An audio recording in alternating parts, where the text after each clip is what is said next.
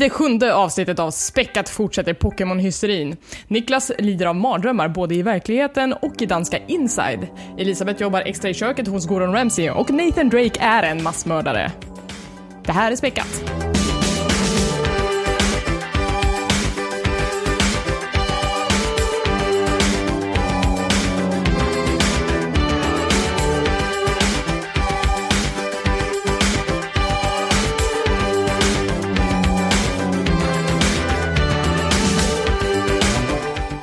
Och välkomna till Späckat, en podcast om spel och allt runt omkring.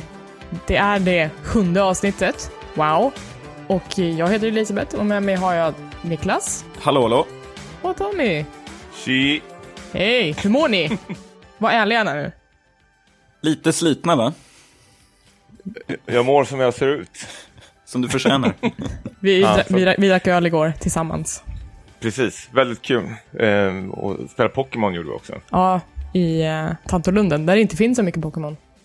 Nej, vi kan komma in lite mer på eh, Pokémon Go. Men eh, hur har ni haft det sin se- senast? Ja, och sen senast, jag har, eh, jag har eh, haft det här Evo-eventet på Bio Rio Hornstull, där vi tittade på några finaler i Evo och spelade lite turneringar på plats. Det var jättekul. kom eh, mycket glada personer med sina arkadstickor i högsta hugg.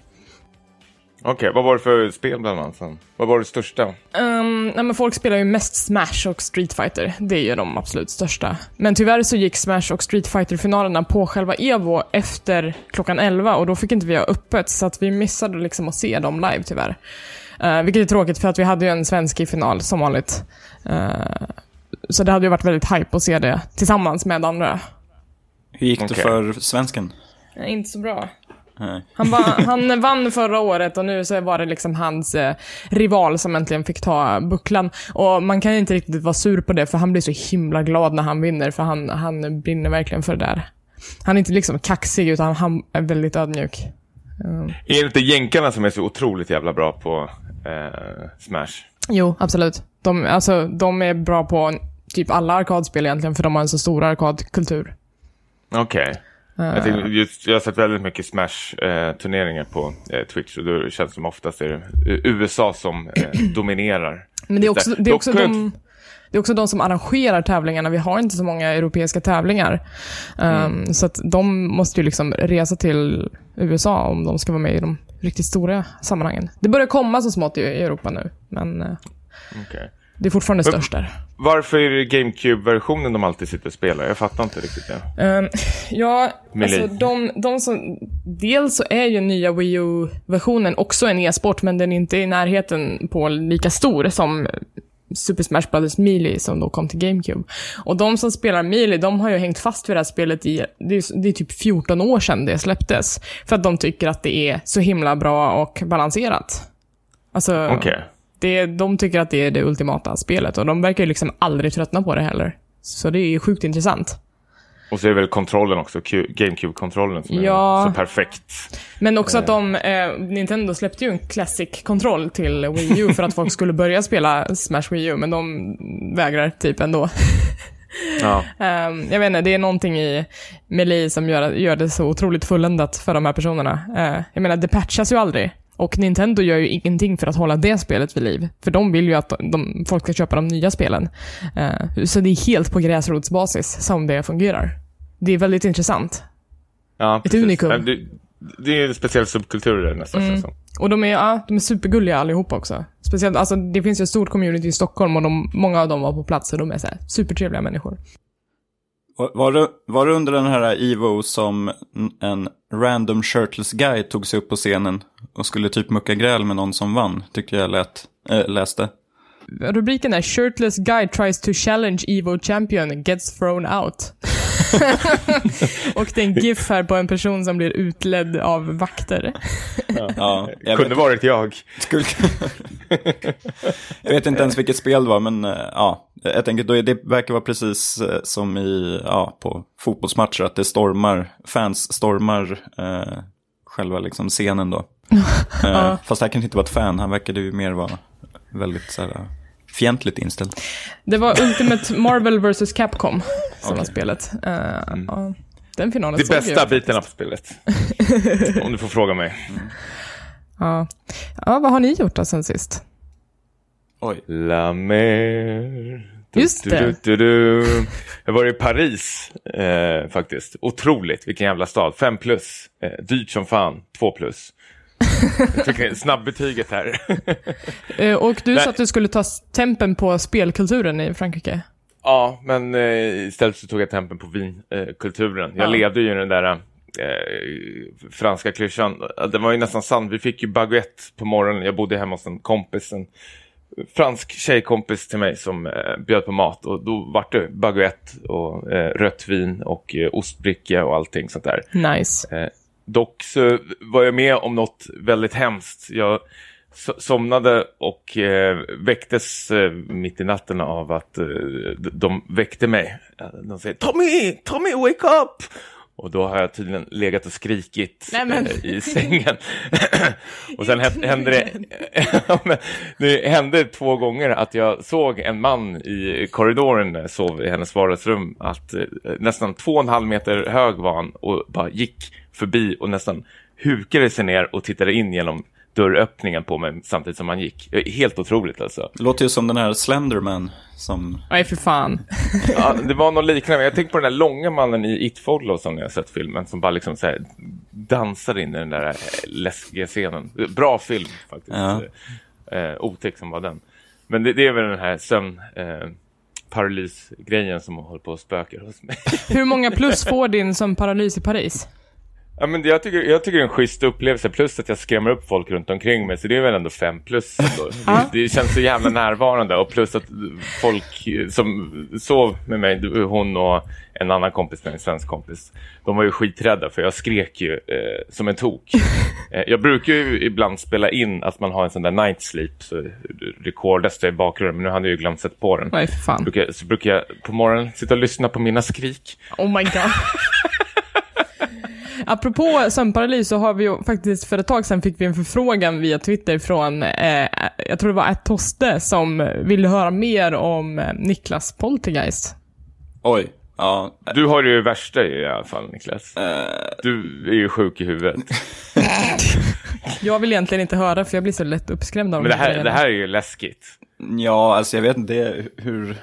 Alltså det, det är väl som Tommy berättar lite om sömnparalysen. Vet, om för folk som inte vet vad det är för något så är det att eh, när man, ibland när man eh, håller på och somnar så eh, då stänger liksom kroppen ner till exempel rörlighet och så vidare. Så att man liksom kroppen ska slappna av under själva sömnen.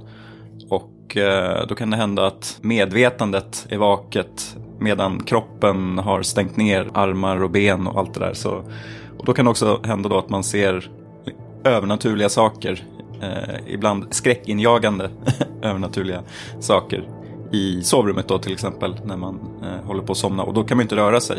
Eh, Man kan ju så- se, man kan ju öppna ögonen liksom. Precis. Eh, så man är i någon slags limbo-läge där. Där hjärnan är hyperaktiv och bara så här, kommer på freaky shit. Ja, och sen så råkar du också se det i verkligheten. Väldigt stressad hjärna. Men du har ju, vad är det för någonting? Du har någon tjej, någon dam hemma hos dig som går runt. ja. Du brukar ju höra henne gå bakom dig, eller vad det är. Sätter hon sig på din rygg och börjar slå dig, eller vad är det för Ja, det har hänt en gång. Det var ganska obehagligt. Fan. Och så har jag också blivit, liksom man, om man ligger och sover på mage då så hör man liksom hur någon eh, går omkring vid liksom fotändan. Eh, fast man försöker då vakna och tända ljuset. Men, men det går ju inte. Och sen helt plötsligt känner man att det är någon som tar tag i ens ben och börjar dra ner en från sängen. Oh my, alltså. och så vaknar man upp där nere. Utan byxor. What? Jag har också haft, jag har också haft sömnparalys en gång för många år sedan då jag trodde typ att någon ströp mig. Och så vaknade jag av att jag skriker typ. Det är jätteobehagligt. Späckat, podden som aldrig sover. Ja, precis. Ett öga öppet hela tiden. Men eh, ja, i, i, jag har inte varit med om någon sömnparalys på sistone som tur är. Däremot har jag faktiskt, eh, jag var ute i, i vildmarken. Eh, Ja, Närmare bestämt i Kolåsen i Jämtland som ligger ganska nära norska gränsen. Så där har det blivit en hel del eh, vandring och vildmarksliv. Med att man har liksom fiskat och så har man sett eh, renar och älgar på nära håll. Mycket naturliv helt enkelt. Däremot har de här eh, digitala djuren lyst med sin frånvaro. Jag installerade ju Pokémon Go eh, när jag var där uppe och insåg ganska snabbt att det kom inte till sin rätt direkt ute i glesbygden. Eh, där man tycker att det ska komma till sin rätt. Man tyckte det. Jag tyckte det här skulle vara otroligt häftigt att stöta på en eh, snorlax uppe i, på berget. Men det är ju helt tomt. Dödar en disco som Tommy sa. Alltså du säger snorlax, det blir så fel i uttalet. Du säger snorlax och snorlax, det är två helt olika saker. Är det så? ja men sådär, det är en lax som snorar. Eller är det en... Förkyld lax. Ja, I don't know. ja, men eh, hade du ingen cabin fever grej där uppe? Jag känner ju dig så pass bra att jag vet att du, det är inte en död sekund utan att du har telefonen i handen och måste dyka ner i Twitter och Instagram och eh, allting. Ja, jo. Hur klarar det sig där uppe? Vart är tokig? Lite tokig kanske, men... Ni åkte upp två, men hur, kommer, hur många kommer ni tillbaks? Eh, det är bara jag som är tillbaka. Nej, men vi... Det, man, man fick ju också liksom lära sig lite vad som finns, vad public service har att erbjuda. Vi hade tv, men... Men bara ettan, tvåan, fyran så...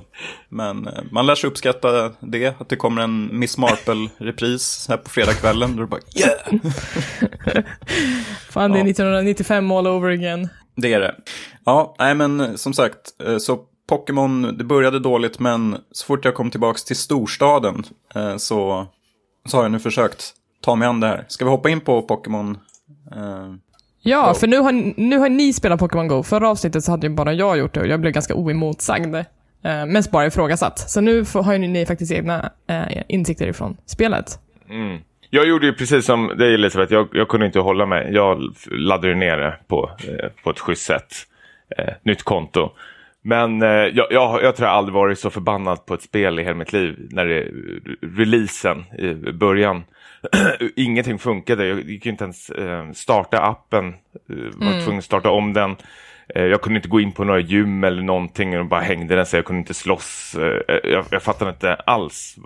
Alltså, jag fick ju panik. Du skickade väldigt arga mess. Ja, jag var ju helt, jag, jag tror jag avinstallerade det där jävla skitspelet typ tre, fyra gånger och sen installerade om det och så höll på sådär ett tag. Men eh, nu när du har fått eh, den svenska releasen så fungerar det otroligt bra tycker jag. Mm. Eh, särskilt här borta i betongen. Ja, det, men det har ju verkligen, ja, men dels så uh, släpptes det i Sverige och sen så någon, någon, dag senare så fixade de dedikerade svenska servrar tydligen så att det rullade ännu bättre. Uh, sen i, jag tror det var fredags, så släpptes spelet i Japan och då blev det riktigt segt igen. För att det liksom hängde inte med. Men sen på kvällen så hade det stabiliserat sig. Uh, så det, det är lite spikes då det funkar sådär. Uh, men mycket bättre än förra veckan. Ja, verkligen. Det är som natt och dag. Jag, jag, tyckte det var helt ospelbart. Det var inte ens, något, det var inte ens ett färdigt spel tyckte jag. Jag, jag gav det ett plus i, i huvudet. jag tänkte det här är den största jävla skiten som någonsin har release. Men nu är jag otroligt nöjd och har väldigt kul med det faktiskt. Och eh, springer runt med eh, min lillebror faktiskt och, och kör det. Min fru som är i Korea just nu är otroligt förbannad och avundsjuk på oss. De har ju inte eh, Pokémon Go där uppe. Eller man kan ladda ner det men eftersom de inte supportrar Google Maps så um, eh, ja, får de ingen con connection med servern där uppe. Förutom på en liten eh, eh plätt, en liten ort i eh, norra Sydkorea där får liksom, eh, kan du hitta Pokémons. Det är det enda stället. Så nu har liksom eh, bussresor och allting, de här bussföretagen har liksom tredubblat sina priser för folk blir så helt tokiga. Bara åker dit bara för att leta efter Pokémons, wow. vilket är helt kul. Men eh, jag vet inte, jag sa till min fru att åk dit, så nej, jag är så sjuk är jag inte. så hon får väl vänta tills hon kommer hem. Men då blir det väl otroliga promenader med henne också. Så det ser jag fram emot. Ja, men stackars Sydkorea. För det känns ju som verkligen att de borde gilla det spelet. Men det går inte. Ja, jag vet inte riktigt hur de kommer lösa det där med Google Maps och sånt där borta faktiskt. Uh, ja. Vi hoppas på en fix. På något sätt. Har de några lokala alternativ till Google Maps? För jag menar, alltså Kina som inte heller är superkompisar med Google har ju fixat egna uh, grejer till det. Har Korea något motsvarande som de teoretiskt sett skulle kunna länka ihop med Pokémon Go för att det skulle fungera för dem? Det har de säkert, men jag tror det är rätt så känsligt där uppe eh, nu. Eh, särskilt när du har grannlandet Nordkorea. Jag vet inte om ja. det har någonting med det att göra med eh, satelliter och GPS och allt jag förstår. information och sånt. Mm. Så det, det blir väldigt känsligt eh, tror jag. Men eh, säkert så har de ju eh, saker som skulle bara säkert trycka på on så drar det igång. Men jag, jag vet ingenting. Det är, jag tycker bara rolig den där lilla nyheten. Ja. Faktiskt. Ja, den lilla orten dit alla vallfärdar för att eh, flockas runt ett pokestopp. Ja, men det är, det är ett område där det bor sjukt mycket gamlingar vad jag fattar det som. Så de blir, vart ju helt eh, jäkla förvånade när det kommer massor med ungdomar med mobiler runt och jagar saker på den här lilla orten. Ja. Det finns någon video någonstans på YouTube, jag vill bara, bara söka på det. Det ser rätt så kul ut. Ja. Men eh, mer om spelet Niklas, har, har du hunnit sätta dig in i det här? Eh, väldigt lite. Jag har ju tyvärr inte nått upp till level 5, vilket är det som krävs för att man ska kunna eh, Ha en åsikt? Eller ha en åsikt. Välja Nej. lag. Välja lag och eh, battla på gym, eller vad man säger. Så än så länge är det bara att jag håller på och bygger upp min, eh, en liten stomme av eh, Pokémons. Men eh, jag har ju verkligen förstått nu eh, vilken genomslagskraft det har fått. Dels när man liksom går på en ja, strandpromenad här ute i Hässelby och helt plötsligt så ser man då att det flockas lite folk på, på sina håll eh, och frågar liksom, spelar du Pokémon och så vidare. Eh, och dels att eh, i eh, diverse, ja, diverse krönikor från typ skribenter som Alex Schulman som, som har nåtts av det här och som, som vill att eh, det här ska förbjudas och så vidare. Så Va, att vill det- han att det ska förbjudas? Jag tänker typ att alla barnfamiljer är ju helt frälsta för att deras barn kommer ut. Men det här är ju som en öppen dörr för alla komiker Ja, att det det ska skämtas och uh, hålla på att skojas och förbjudas med Pokémon Go. Det, Twitter är ju vä- väldigt äckligt nu bland alla eh, komiker känns som. Jag bara kräks på det. Men då var väl Alex Schulman eh, gjorde väl någon slags liknelse att det, folk går runt som zombies nu och håller på och snubblar över blomkrukor och eh, saker. Alltså som om vi vore helt utvecklingsstörda när vi har telefonen i handen. Som vi sa förra avsnittet. Som ja, inte men vet hur man rör sig. Nej, jag vet inte. Jag försöker väl vara lite lustig på det här och vi- vinna några pluspoäng nu när det är hett. Men jag vet inte. Jag tyckte det var rätt så tråkig artikel, eller? Ja, de var Mm. jättetråkiga. Jag, eh, jag var ju faktiskt med i Nyhetsmorgon och pratade om Pokémon Go. Jag blev eh, inbjuden. Du syns och hörs överallt. Ja, nej men jag blev inbjuden för att eh, ordinarie speljournalist på SVT, Thomas Arnroth, var på semester. Så att han behövde några som kunde hoppa in och prata om det. Så då gjorde jag det. Och då blev det också lite så här, ah, den, frågorna jag fick när jag skulle bli intervjuad för nyheterna var så här, du det finns pokestops i Auschwitz, vad tycker du om det? Man bara, ja, eh, ja, nej men det ska jag stå och försvara här. Ja, men det gick bra. Men eh, det är tråkigt att man fokuserar på de sakerna och inte på det som är bra. Till exempel, alltså, jag tycker att det är positivt att folk kommer ut till kulturellt och historiskt viktiga platser som de annars inte hade gått till. Alltså, all publicitet är väl egentligen bra publicitet. Sen behöver man ju inte skrika och stöka runt dem, utan vara lite, vara lite schysst och lite respektfull. Men eh, att man kommer iväg är väl superbra. Ja, jag, jag går bara förbi och bara swipar och så får jag mina pokéballs. Jag tittar inte ens upp. Jag snubblar över massor med blomkrukor på väg till nästa. Du tar inte till dig av kulturen. Nej, inte här i Hässelby va? Det var med någon, någon planka som någon hade målat grön och blå. Så Ja, tittade vi på den och sa så här, det här är otroligt fult och så gick vi vidare. Jag har ett pokestopp som är vid en thai-restaurang och det pokestoppet heter Ful gul elefant. Man bara, yeah. Nej, men det, det jag älskar med det här spelet är ju att det har hänt några, eller rätt så många gånger, att man har satt sig ner vid en sån här lör och så har det kommit massor med eh, folk. Som mest har vi väl ändå varit så här 12 pers som har satt sig ner på en parkbänk liksom. Och så har man ju hälsat på varandra och frågat vilket lag man spelar. Och sen har man, eh, jag har fått lite tips och sånt från andra spelare som jag har stött på eh, utomhus, vilket är är hur roligt som helst tycker jag faktiskt. De har ju verkligen lyckats med den här sociala aspekten tycker jag, att man träffar nya människor och pratar. Det är, som, det är lite så som andemeningen i, i första Pokémon-låten i serien, när de säger du lär mig och jag lär dig. Det, är, det finns ju väldigt eh, lite instruktioner i spelet och jag tror att det är just för att spelare ska kunna dela med sig av det. Det står ju ingenting om att man kan till exempel skruva bollar eller sådana saker, utan det är sånt man har fått plocka upp för man träffar folk som tipsar om det. Uh, det är jäkligt kul. Nej, men jag, jag ska ju verkligen fortsätta spela. Sen Mm. finns det väl något som heter Pocket Dates, eh, har jag hittat nu Ja, också. nu kom det. Ing, inget för mig, men jag tycker ändå det är så kul att man betalar 20 dollar båda parterna och så skriver man in vad för slags eh, Pocket Date man vill ha med den här personen och vart och sådär. Så träffas man så går man på den här Pokémon-promenaden och så kanske man eh, åker hem och har sexen eller någonting. Jag vet inte. Pokésex. Pokédexet med Pokésex. Nej men jag har faktiskt träffat folk som jag kanske inte har umgåtts med på ett tag. Eh, som man bara, hej ska vi ta en Pokémon-promenad? Och så gör man det. Supertrevligt. Jag var också på Gärdet, på det här superstora Pokémon Go Night Tour. Ja, Vad var gamen är. Det var så här, det var en tjej som eh, la ut ett event på Facebook där de sa att jag skulle vilja gå ut på en nattvandring och fånga Pokémon med mina kompisar som bjöd in ett gäng. Eh, men eh, jag vet inte, de tackade nej, men istället så var det 2000 andra människor som tackade ja. Eh, jag skojade inte. Så det hon gjorde var att, okej, vi kan inte vara i Kungsträdgården längre. Vi flyttade till Gärdet. Och sen så fixade hon en massa aktiviteter, ambassadörer för de olika lagen i spelet och så drog hon dit ett gäng sponsorer. Um, och så drog vi dit och tänkte vi ska kolla läget, vi måste se liksom hur stort Pokémon Go är i Stockholm egentligen. Och det var jättestort. Så satans stort. Det var liksom, det gick som ett lämmeltåg av folk från Gärdets tunnelbana till den här uppsamlingsplatsen. Eh, och eh, alla var, eller inte alla, men de flesta var klädda i sitt lags färger så att man kunde liksom se vilket lag man var med i. Superroligt.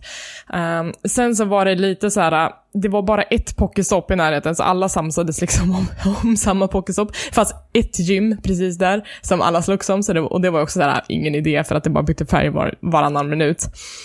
Um, så det var... Placeringen kunde ha varit lite bättre. Ehm, det var ganska dåligt ljudsystem för vi hörde ingenting när de utlyste vad det skulle vara för tävlingar. Men det är ändå så här jäkligt bra roddat för att vara på så kort tid och med liksom de förutsättningarna man hade, att bara, ja, vi ville träffa några kompisar men det blev visst en folkfest. Um... Det, det är väl bra med de här night-touren. Det blir liksom som eh, farsor och morsor på stan, eh, tänker jag lite. Att man går runt och kör den här Pokémon-vandringen, men så kan man ju kolla också så allting är lugnt. Ja, men det har blivit lite mer så här nattvandrare på stan. Alltså, dels så, jag har läst mycket om folk som känner sig mer trygga för att deras så här gator och torg som annars brukar vara ganska tomma och ganska läskiga när det är mörkt, eh, det är liksom fullt av folk där nu. Eh, också typ ett, en, eh, ett exempel på någon kille som hade avbrutit en våldtäkt för att han var ute mitt i natten och utforskade. Eh, så det är liksom, det blir ju tryggare på ett sätt. Ja, man får sätta massor med sådana här lures på vägen hem, planera in det liksom. Så det, Ja, ja men så absolut. är det ju alltid folk runt omkring, tänkte man. smart. Ja. Det som jag tycker är lite trist, eh, och som jag håller på och filar på ett blogginlägg om, är typ att det är så himla mycket sponsorer nu som försöker ge sig in, alltså annonsörer som vill synas i de här sammanhangen. Och det är på gränsen att det slutar vara relevant och börjar bli löjligt. Um, igår så var det ett eh, Pokémon-event på en bar som heter Kåken och då läste vi i det eventet att då skulle Happy Socks komma dit och slänga ut strumpor till folk. Man bara, va? Vad har det här med Pokémon att göra? Alltså, det, känns, alltså det, det är charmigt att typ Tele2 ställer sig med wifi i parken för att det tillför ett, ett mervärde för spelarna. Bara sweet, gratis wifi, då kan vi spela lite mer. Men bara strumpor. Ha. Jag läste att i, i Japan så skulle eh, eh, McDonalds på något sätt börja samarbeta med Niantic och Nintendo då och liksom Ja, sätta upp De, de ska köpa gym. Ja, precis. Och sätta upp sina restauranger och så sitter man där då och käkar hamburgare och medan man eh, eh, fipplar med Pokémon Go. Och det går ju emot lite den här eh, hälsoaspekten då som eh, Ja, faktiskt. man blir fetare med att spela. Ja, men Pokémon Company styr ju vad som kommer synas i appen. Jag hoppas att de inte kommer så här, hoppa på alla förslag som kommer ifrån annonsörer som vill synas i det, utan att de faktiskt är lite selektiva. Eh, men sen det som man ser när man är ute i verkliga världen, de ställena man går till på grund av Pokémon, det kan inte de styra över. Och där är det lite mer fritt fram. Eh, jag hoppas att det inte blir för mycket, för jag tycker att det är ganska olustigt. Ja. Men sen, om vi ska prata om själva spelet också, så det är ju en hel del uppdateringar vi väntar på också. Man vill ju kunna eh, trada Pokémon, vilket jag tycker är otroligt viktigt eh, faktiskt. Men, men jag ser ju verkligen, just nu känner jag fortfarande att det är någon slags beta-stadie på det här eh, spelet faktiskt. Det finns inte så jättemycket att göra förrän ändå gå runt och ta de här eh, stoppsen och Nej. på gymmet. Och jag, jag som började rätt så sent och Niklas som började ännu senare, för oss är det helt eh, omöjligt att gå till ett gym och börja slåss. Eh, Det, det är lite den här... Eh, om man är sist på bollen då är man nästan körd, eh, får jag en känsla av faktiskt, vilket är lite tråkigt. Eh, jag vill, vill att det ska kunna bjuda in allihopa, vare sig man är sen eller tidig. Det finns inte så mycket incitament som bidrar till spelets livslängd uh, egentligen. Alltså det du kan göra är typ slåss, hålla gym, samla Pokémon, fylla Pokédex and that's it. Det, det är inte egentligen så mycket som man kan göra i det spelet. Och, för det, så att det är liksom, de som hänger kvar i det är ju de som gillar att samla pluppar. Ja. Det är ju verkligen Alltså det, nå- något som hade varit kul är ju att man kan ha någon slags Pokémon-turnering. Om jag träffar er på stan så kan vi liksom via blåtand eller något liknande battla mot varandra faktiskt. Eh, Så det här blir kanske blir en e-sport utav det eller liknande. Ja men absolut, det skulle vara kul. skulle jag tycka var vä- väldigt roligt faktiskt. Mm. Sitta hemma hos kompisar och jämföra Pokémons och slåss med varandra. Döda Niklas Snorlax.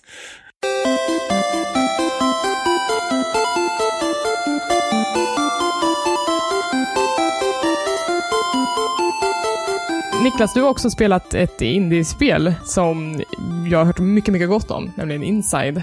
Precis. Det här är ju då eh, Playdeads eh, nya spel. Deras förra eh, var också ganska uppmärksammat som hette Limbo. Kom för sex år sedan. Har ni spelat det? Nej, Ja! det ligger i Steam-loggen. Tyckte du om det Tommy? Ja, jag älskar det. Det är otroligt stämningsfullt eh, och väldigt bra spel faktiskt. Ja. Lite destruktivt eh, mot slutet kanske, men ja. Okej. Ja, de, de ser ju ungefär lika. Jag har inte spelat eh, Limbo. ja, du har inte gjort det? Nej, tyvärr. Jaha, Eh, okej, ja. Men till ytan så ser de ju ganska liknande ut. Alltså det är den här eh, svartvita 2D-plattformsspelet då, där man spelar som en liten pojke i båda spelen. Ehm, och handlingen här är ju väldigt kryptisk. Den, det, det berättas inte något med ord eller text överhuvudtaget, utan det är bara bilder egentligen då som man, eh, som man berättar med. Eh, och man, man springer med den här lilla pojken då eh, genom diverse miljöer som där det verkar ha hänt någonting. Jag, jag började genast dels dra pal- paralleller till boken 1984 om det här eh, ja, övervakningssamhället som har spårat ur lite. Och, men även eh, en film som eh, Invasion of the Body Snatchers från, eh, från 70-talet tror jag den är. Lite i stämningen att det känns väldigt så här dystert som att det är någonting som håller på att ta över hela befolkningen. Och skapa någon typ av så här eh, uniformitet eller vad man säger. Och så är man då den här Jaha. pojken som försöker då bryta sig loss från det.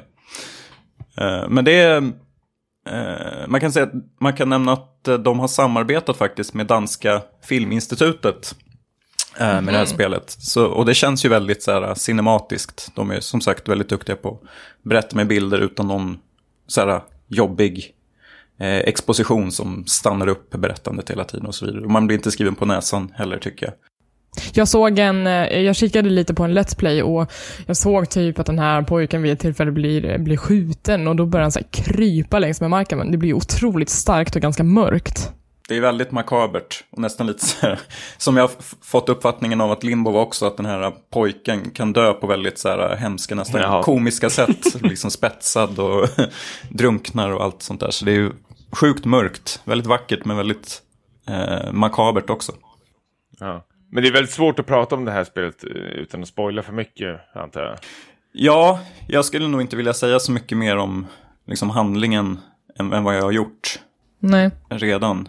Mer än att det är väldigt, om man säger så, är sp- spelmekaniken är eh, väldigt, alltså den är väldigt smooth och nästan fläckfri, alltså i hoppandet. Den kän- känns väldigt precis. Jag spelade ju, jag vet inte om ni har spelat det, men det här Unravel för inte så länge sedan. Där, Nej, inte än. ja, kontrollen kändes inte alls lika precis där och, där, och så kom det väldigt så här frustrerande pussel som bromsade upp en hela tiden och gjorde att det inte blev något skönt flow i spelet. Men här så känns det väldigt mer, mycket mer eh, bättre integrerat, mer sömlöst kan man säga. Alltså att pussel och hoppande, allt, allt känns som en bra helhet. Så det är väldigt eh, bra spelmekanik och väldigt atmosfäriskt och eh, fint berättat. Hur långt är det? Jag tror jag klarade det på en 3-4 timmar. Ja, okej. Så det är ett kort spel. Uh, helt klart fördelaktigt att uh, hålla det kort. Så det, det kändes som att de, uh, de introducerar nya typer av utmaningar, nya pussel som gör att man får tänka liksom, ett steg längre hela tiden. men det känns aldrig riktigt, tycker jag, att något, något blir upprepande i så stor grad. Så det, det känns bra vältajmat, helt enkelt. Och sen så, som sagt, så finns det två olika slut som folk har diskuterat ganska flitigt. Men det är sånt som sagt man inte direkt kan prata om om man inte har spelat spelet. Det...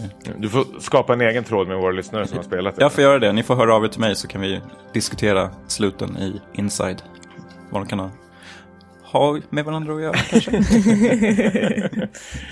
det finns till eh, PC och Xbox One läser jag här. Yes, det stämmer. det stämmer. Förhoppningsvis kommer det till PS4. Ja, Ja, vi kan hoppas. Det, det, det, typ för vi hade exakt samma problem med, eller problem, problem, men Limbo också kom väl först till Xbox och eh, PC. Eh, sen tog det väl rätt så lång tid innan det kom till PS4. Så det brukar vara sådär exklusivt eh, i början, sen tar det väl ett år innan de lyckas komma ut ur det där. Ja, precis. Det är ju som det här att Rise of the Tomb Raider kom ju till Playstation äntligen i vad är det, höst ja, någon gång. Ja, fan vad jag suttit och väntat på det. Har ni sett eh, omslaget till den? Ser exakt likadant ut som Uncharted Nathan Drake Collection. Ja, ja, vad är grejen med det? Jag vet inte. Men det är, ju lik, det är ju liknande spel. Men det ser ju ut som att de är i samma serie liksom, för att de är så lika. Tommy, du har spelat ett spel som heter Odin Sphere som jag inte har koll på överhuvudtaget. Vad är det för något?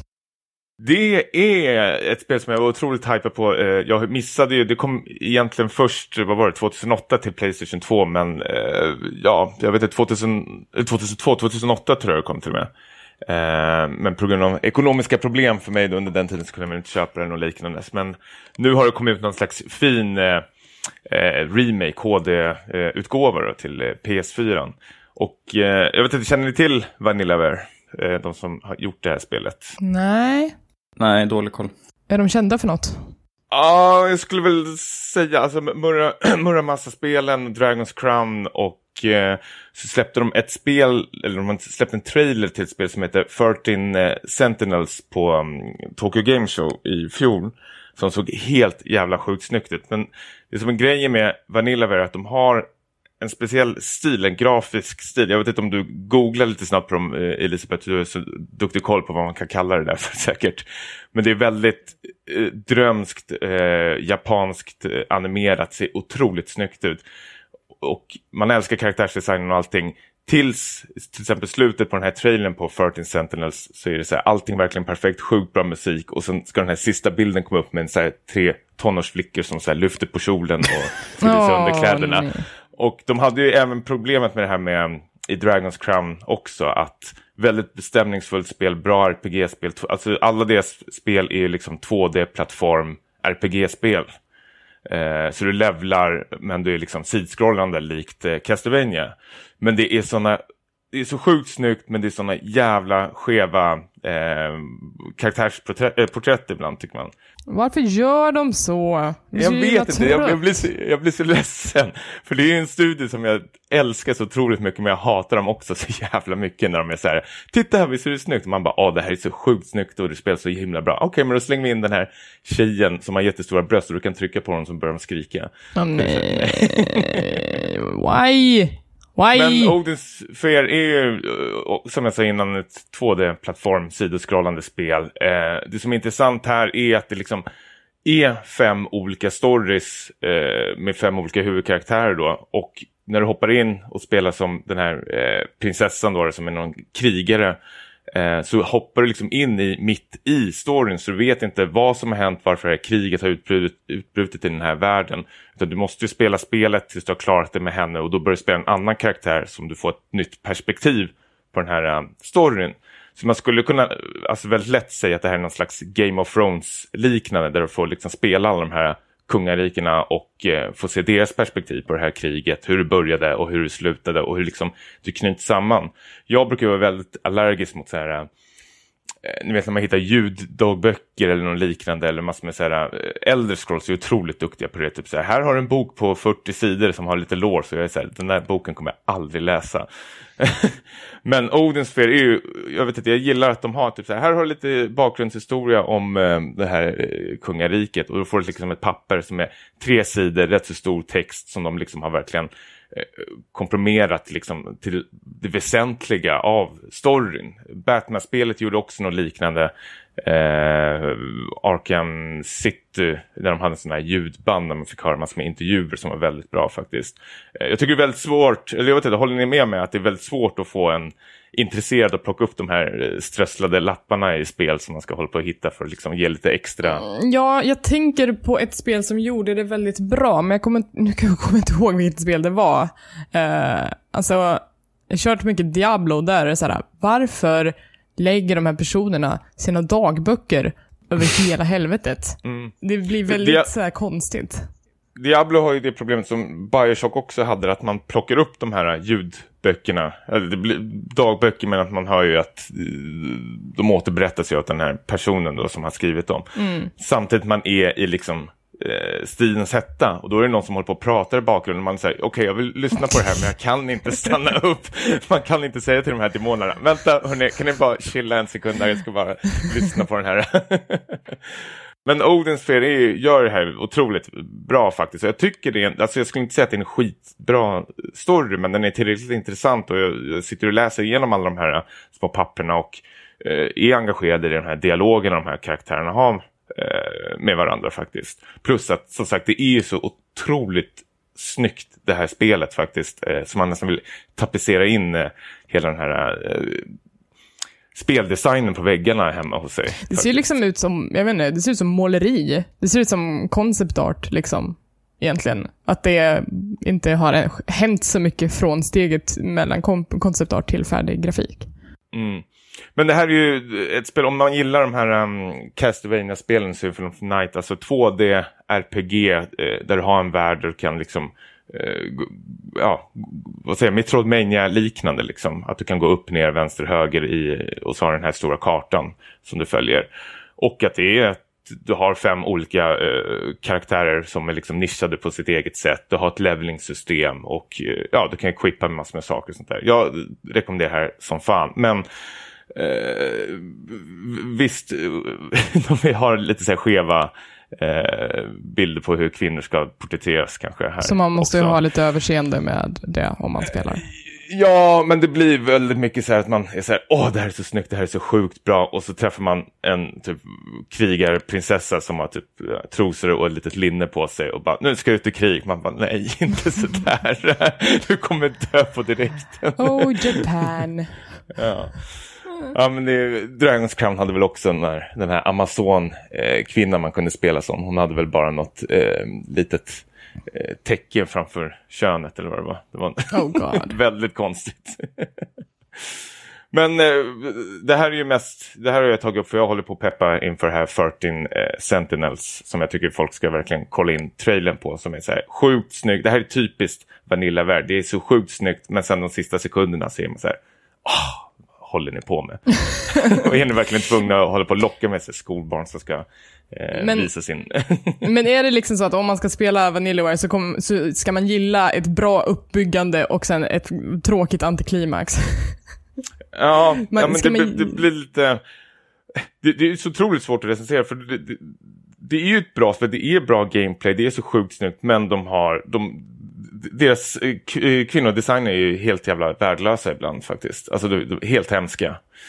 Uh, så det, ja, man ja. får se upp för det. är viktigt det. att man, alltså, mm, jag, tycker, jag tycker att det är viktigt att man kan kritisera det man tycker om också. Att det är så bara för att är så vissa grejer är sunkiga så, alltså, det är inte förbjudet att tycka om dem. Men det är bra att man är så medveten om att det här kanske inte är helt sunt när man spelar de här grejerna. Nej, precis. Man blir ju väldigt ledsen när, man, när allting annat är så perfekt så är det bara den här lilla, men ändå det blir väl en stor grej eh, faktiskt eftersom det syns och, och hörs hela tiden. Och så ska de ha de här, ja, som jag sa, de här stönen så att man kan peta på karaktärens bröst och så börjar de skrika. Kan inte du, kan inte du skicka brev till dem? Säga sluta. Ni, ja, men jag vet inte, vi har hållit på nu i flera år, jag och Vanillaware känns det som. Men, eh, och jag köper ju fortfarande deras spel, så jag, jag vet inte vad jag håller på Kan med. du, inte, kan du skriva med och säga vi måste prata om vårt förhållande? Du var så bra innan, men ska ni hålla på så här i slutet? Men alltså, jag- alltså jag förstår, alltså Blizzard har ju också typ så här lite samma grej. Jag älskar Blizzard. Vi, we go way back. Men också att inte förrän nu så har de ens funderat eller reflekterat över hur deras kvinnokaraktärer faktiskt ser ut. Eh, Men nu, nu älskar jag, alltså Overwatch är ju perfekt eh, karaktärsdesign. Och nu har de släppt eh, Anna, eh, som är Farahs eh, mamma, som är så här, vet inte, hon kommer från Egypten, hon är väl, vad är hon, 40-50 plus eller någonting ja, hon är. Farahs mamma. Och det är hon som var med och grundade Overwatch. Eh, och nu har de släppt henne som en ny karaktär som man kan spela. Så att hon, hon är ju gammal, hon går ju lite krumt och hon har vitt hår och så här. Det är väldigt, jag tycker att det är väldigt ballsy att i spelvärlden introducera en, en, eh, en äldre kvinnlig karaktär som ett första DLC. Det är ju, det är ju snudd på liksom eh, omöjligt att hitta, att hitta liksom, eh, äldre kvinnliga karaktärer som har stora roller i, i de här spelen. Eh, så jag tycker att det är helt fantastiskt. Hon verkar supercool. Ja. Och hon mottogs ju väldigt väl också av alla fansen när man fick se den här videon med henne. Alla var så här, okej, den här personen verkar så jävla awesome. Så det, det, det funkar ju tydligen. Så. Det är skönt att det går framåt i alla fall på vissa fronter. Det tycker jag är nice.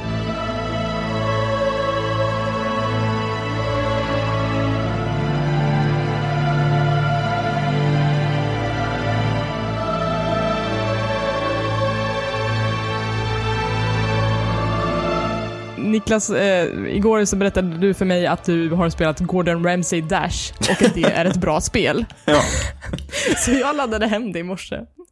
Det är ett bra spel. Det är det. Åh, jag avskyr er två. Alltså, Jag har också spelat det där lite. har du gjort det? Ja. Ja, ja men fortsätt. Jag hoppar väl in någonstans. Ja men okej, Gordon Ramsay Dash är alltså, eh, Gordon Ramsay är nästa kändis i, i raden som ska skapa ett mobilspel som man ska tjäna jättemycket pengar på. Det började väl i princip med Kim Kardashian och har fortsatt här sen med, jag vet inte vilka det är som har följt på, det är typ Nicki Minaj och några till. Um, och så här, Kim Kardashian-spelet, det är också så här, inte så himla dåligt. Jag har en kompis som, som spelar det superhängivet fortfarande jättelångt efter att det har släppts. Um, men Gordon Ramsay eh, handlar mindre om kläder och mer om mat. Eh, så du är en kock som man ska följa genom en dokumentär, eh, inom citattecken. Eh, och sen så ska du liksom få olika restauranger att växa och bli bra. Precis. Och det är väl lite, det är väl lite av ett managementspel egentligen i realtid. Ja, alltså du står ju i köket och tar emot, tar emot beställningar från liksom hungriga kunder då som vill ha hamburgare eller lökringar eller pommes frites eller vad det nu kan vara. Typiskt Gordon Ramsay-mat. Typiskt Gordon Ramsay-mat. ah, nej, men man börjar ju med lite så här basic kan jag tänka mig och sen så får man väl lite finare restauranger längre fram i spelet. Som man får köpa med riktiga pengar. Ja, det är ju Det det, är som... mycket mikrotransaktioner. Fortsätt, Niklas. Ja, men precis. Ja, jo, men och så, och så springer man ju då runt i det här köket och försöker... i- liksom man har ju, det går ju såklart på tid det här så att man måste få ut alla beställningar eh, innan eh, klockan har tickat ner. Och det gäller då att inte glömma osten på cheeseburgaren och så vidare för då blir Gordon arg och säger att något är inte rätt här. Hur kan de låta då? Hmm, kan han säga. Ja, det kan jag säga. Då vet man att fan, jag har glömt någonting. Ja, precis. Men så kan han han också, han kan ju också bli eh, helt extatisk och liksom börja, liksom, han nästan börjar brinna. Och då kan man trycka på, tappa på Gordon, så springer han runt och eh, liksom fixar alla beställningarna själv. Ja, Super Gordon. Alltså, det, är ju, det har ju funnits såna här spel sedan tidernas begynnelse i typ så här eller så här Eh, vanliga jävla restaurangspel egentligen. Och jag har spelat såna jättemycket också. Det är ett superbra tidsfördriv. Eh, och egentligen så tycker jag inte att Gordon Ramsay uppfinner så mycket nytt i den här genren, men däremot så är det en genre som vi inte har sett så mycket av på flera år. Uh, och uh, sen så är det ju bara roligt att det är hans ansikte för att han är en så himla karaktär. Däremot så, uh, jag vet inte, jag hade nog andra förväntningar på Gordon Ramsay. Jag, jag tänker ju mig att han ska, som i Hell's Kitchen, liksom spotta på mig. Han ska få mig att känna mig som den mest värdelösa människan i hela världen. Jag kan liksom, jag bränner vatten som kokar. Alltså, så dålig. Men, It's overcooked! men, men när jag spelar det här spelet så är det ju bara så här positiv eh, reinforcement. Att han säger bara “This is bloody brilliant, stunning”. Man bara, jag vill att du ska säga att jag är sämst. Det är Ja. därför vi tittar på Gordon Ramsay. det är så lite så. Jag är lite Ja. besviken. Väldigt återhållsam Gordon, faktiskt. Ja. Han, om man misslyckas då är det mer så bara, mm, eh, might try that one again, liksom. Och så är det, det, det blir aldrig värre än så, egentligen. Och det är bara en svordom och den är blipad. Ja, Tråkigt. Ja. Men det är mycket mikrotransaktioner, alltså när man försöker uppgradera sitt kök bortom typ den första eller andra uppgraderingen, då är det så här, då är det bara att öppna plånboken. Det har, tycker jag är tråkigt. har, har du gjort det? Nej. Nej, jag är också Jag- väldigt envis och låter bli. Eh, för jag, jag tycker som sagt att det är väldigt kul spel. Men sen så smygs det ju in lite ibland så här bara, ja men eh, om du köper det här nu så liksom får du den här eh, grillen på köpet eller något sånt där. Bra dit. Och det är också så här, man blir ju han- sugen att- efter ett tag att, att börja göra det där. Det är svårt att låta bli. För att man... Ja men han, han är ju också så här, den första är alltid gratis, för han, han säger så här, egentligen kostar det här pengar, men jag bjuder på det den här gången. Ja, precis. Då, Varför tänker jag att ni pratar om sex hela tiden när ni säger det här? Det låter så sjukt. Därför att you have a är dirty gratis. mind, du pubertal Tommy Ja, jag har spelat de här jävla Vanilla-spelen för mycket kanske. Eh, men ja, jag, jag, eh, jag öppnar bara plånboken för Pokémon Go just nu. Annars så... ja, Okay, let's go. Your first customer.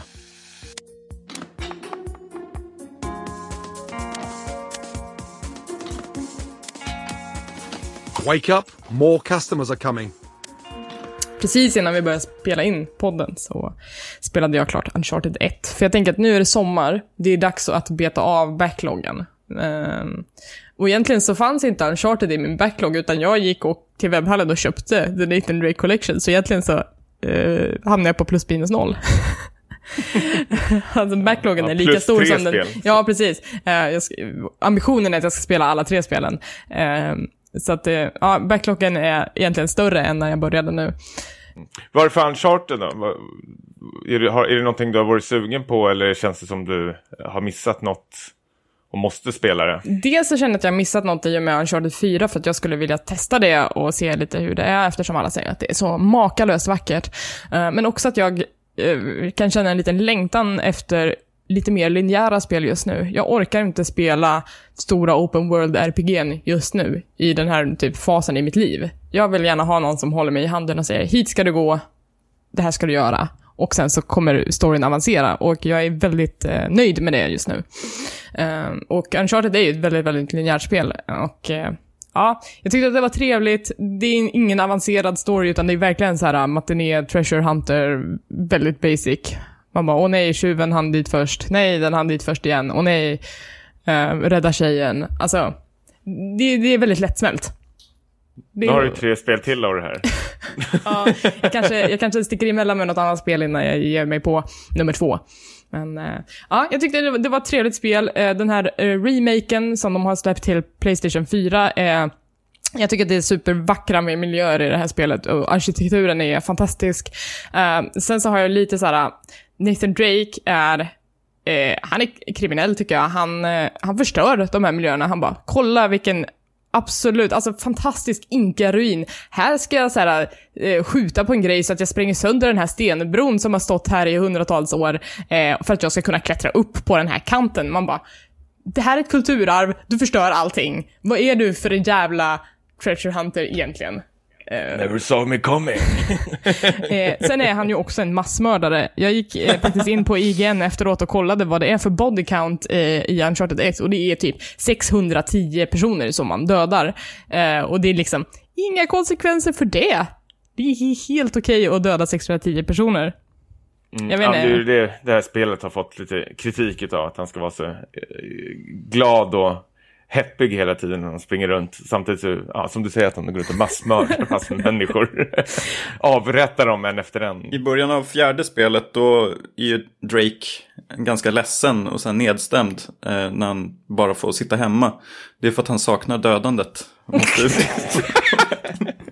Det är ju en psykopat man spelar. ja, det är ju det. Väldigt charmig psykopat.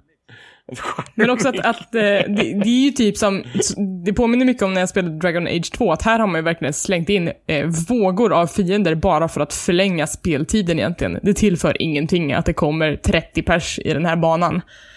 Eh, utan det är ju bara för att det ska ta lite längre tid att ta sig igenom det här spelet. Eh, och sen så, eh, jag vet inte, kan man spoila ett nästan 10 år gammalt spel? Kör. Eh, det, I slutet så kommer det ju en twist att det finns eh, zombie-liknande varelser på den här ön. Och det kändes som ett spel som verkligen inte behövde zombies för att vara ett helt okej spel. Eh, och det förändrar eh, strid, striderna ganska mycket, att det blir mycket mer jag menar, det säger åt dig vilka vapen du ska använda i det här rummet och eh, att det blir mer så här horror att krypa runt i mörka tunnlar och jag vet inte, det känns inte som en bra final för det spelet. You ain't seen nothing yet. Nej, jag, jag var besviken på den delen. Ja. Alltså om man ska försvara, försvara, men jag kan ju säga så här att du har ju spelat det sämsta i den här eh, fyrspelsserien då. då. Mm, det har jag hört. Eh, eh, helt från helt klart. Det, det är väl vad jag minns, eller jag tyckte det var väldigt bra när det kom ut, men sen när man spelade Uncharted 2 så var det ett stort eh, kliv, eh, tyckte väldigt många faktiskt, att det vart lite mer eh, roliga och innovativa actionmoment. Eh, Jag får med Uncharted 1 det springer väl bara runt i eh, djungeln nästan hela tiden. Ja, du, du är ju på en ö och du springer runt i, i lite olika ruiner och det är lite, lite bitar med vattenskoter som är helt värdelösa och ja, jag vet Ja, inte. men i de andra spelen så blir det lite mer globetrottel Ah, eh, okej. känsla. Att du åker runt i världen då, i olika miljöer. Som snö coolt. och skog och sånt där. Så det, det blir lite roligare och bättre variation, Ja. eh, tror jag faktiskt. Nej, men jag, hade, jag hade kunnat köpa att vara på en och samma ö, däremot så tycker jag inte att jag fick så mycket sammanhang. Alltså, jag, jag kunde inte sätta ihop de här olika miljöerna till ett sammanhang. Jag kände inte liksom att jag var på väg från plats A till plats B, för jag bara, jag har ingen aning om vad jag är, men jag ska ta igenom den här banan. Det hade varit, eh, jag vet inte, mysigare om man byggde upp den här ön till lite mer av en helhet. Um, så då hade jag varit nöjd. Men ja, det var, det var eh, ett eh, helt okej, jättegulligt spel. Eh, lite mindre strid, lite mi- mindre zombies, så hade jag eh, tyckt att det var nice. På, alltså, riktigt nice. Nu tycker jag att det är nice. Har ni tänkt på att i Uncharted temalåten så finns det ett stycke som går precis som ett stycke i salmen Pärleporten? Uh, Christer Sjögren-versionen tänkte jag säga. Vad heter han? Den delen. Ja. Eh, Så nu har jag suttit och sjungit på Pärleporten i typ eh, tre dagar. Den låten, jag får sån jävla panik när jag hör den. Jag får en otrolig eh, dödsångest. Varför det? Nej, jag, jag vet, den, den är så otroligt mörk känns det som faktiskt. Och det, det, Du kopplar ja, den till. Nathan Drakes eh, karriär som massmördare. Ja, det är väl det. Men du, jag har en eh, vän som är eh, kristen och hon säger att Tommy den är jättemysig. Hon är norska, eh, jag vet inte hur hon pratar. Men, jättemysig, det betyder att du är välkommen när som helst. Jag, säger, jag vill inte, jag vill vara kvar här.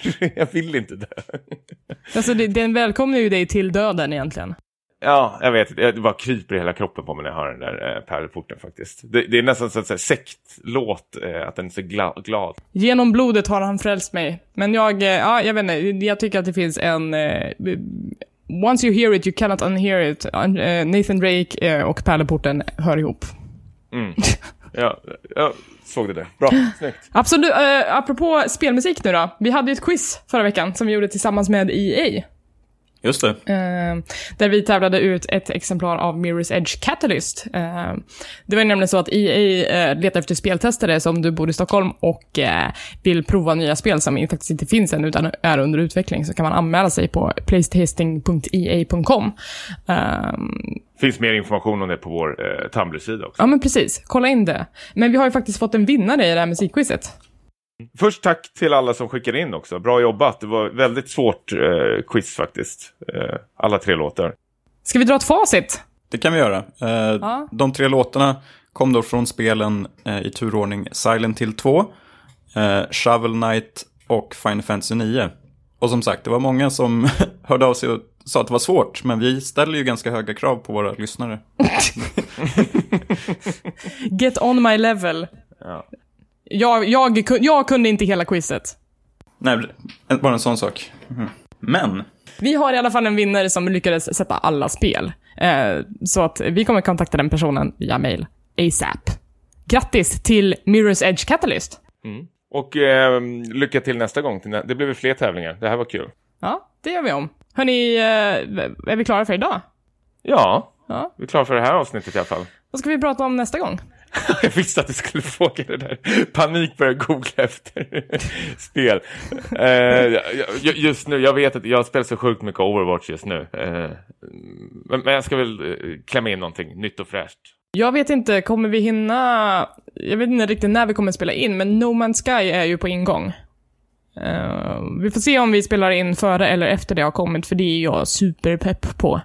Eh, och, eh, eller jag ska säga, jag är mer nyfiken än pepp, för vi vet ju inte så mycket om det egentligen. Och jag har hållit mig undan de här gameplay-videorna som har släppts på olika spelsajter. Eh, Så det kommer bli spännande. Får vi se om vi släpper någonting innan vi har hunnit ta tag i No Man's Sky. Annars så klart kan ni ju mejla oss också om ni vill ha att vi ska recensera något särskilt spel, gammalt som nytt. Ja.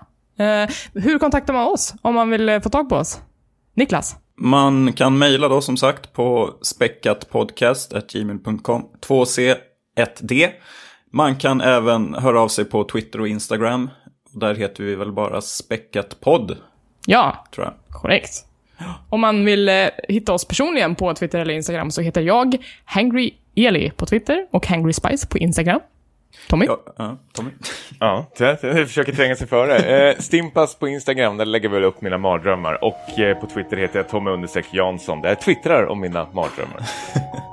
Och jag heter OneLess Niklas på eh, Instagram och Niklas Lundqvist på Twitter. Kanske blir några spökhistorier där också, vi får se. Och katten som kanske hörs i bakgrunden är Sputnik som vill klättra upp på mig. Ja. Och föräldrarna i bakgrunden som eh, springer runt här heter Anna-Lena och Sven-Erik. Tack till alla inblandade i dagens avsnitt. Yes. Hörni, på återseende. Vi hörs. Ha det bra. Hej då. Hej då!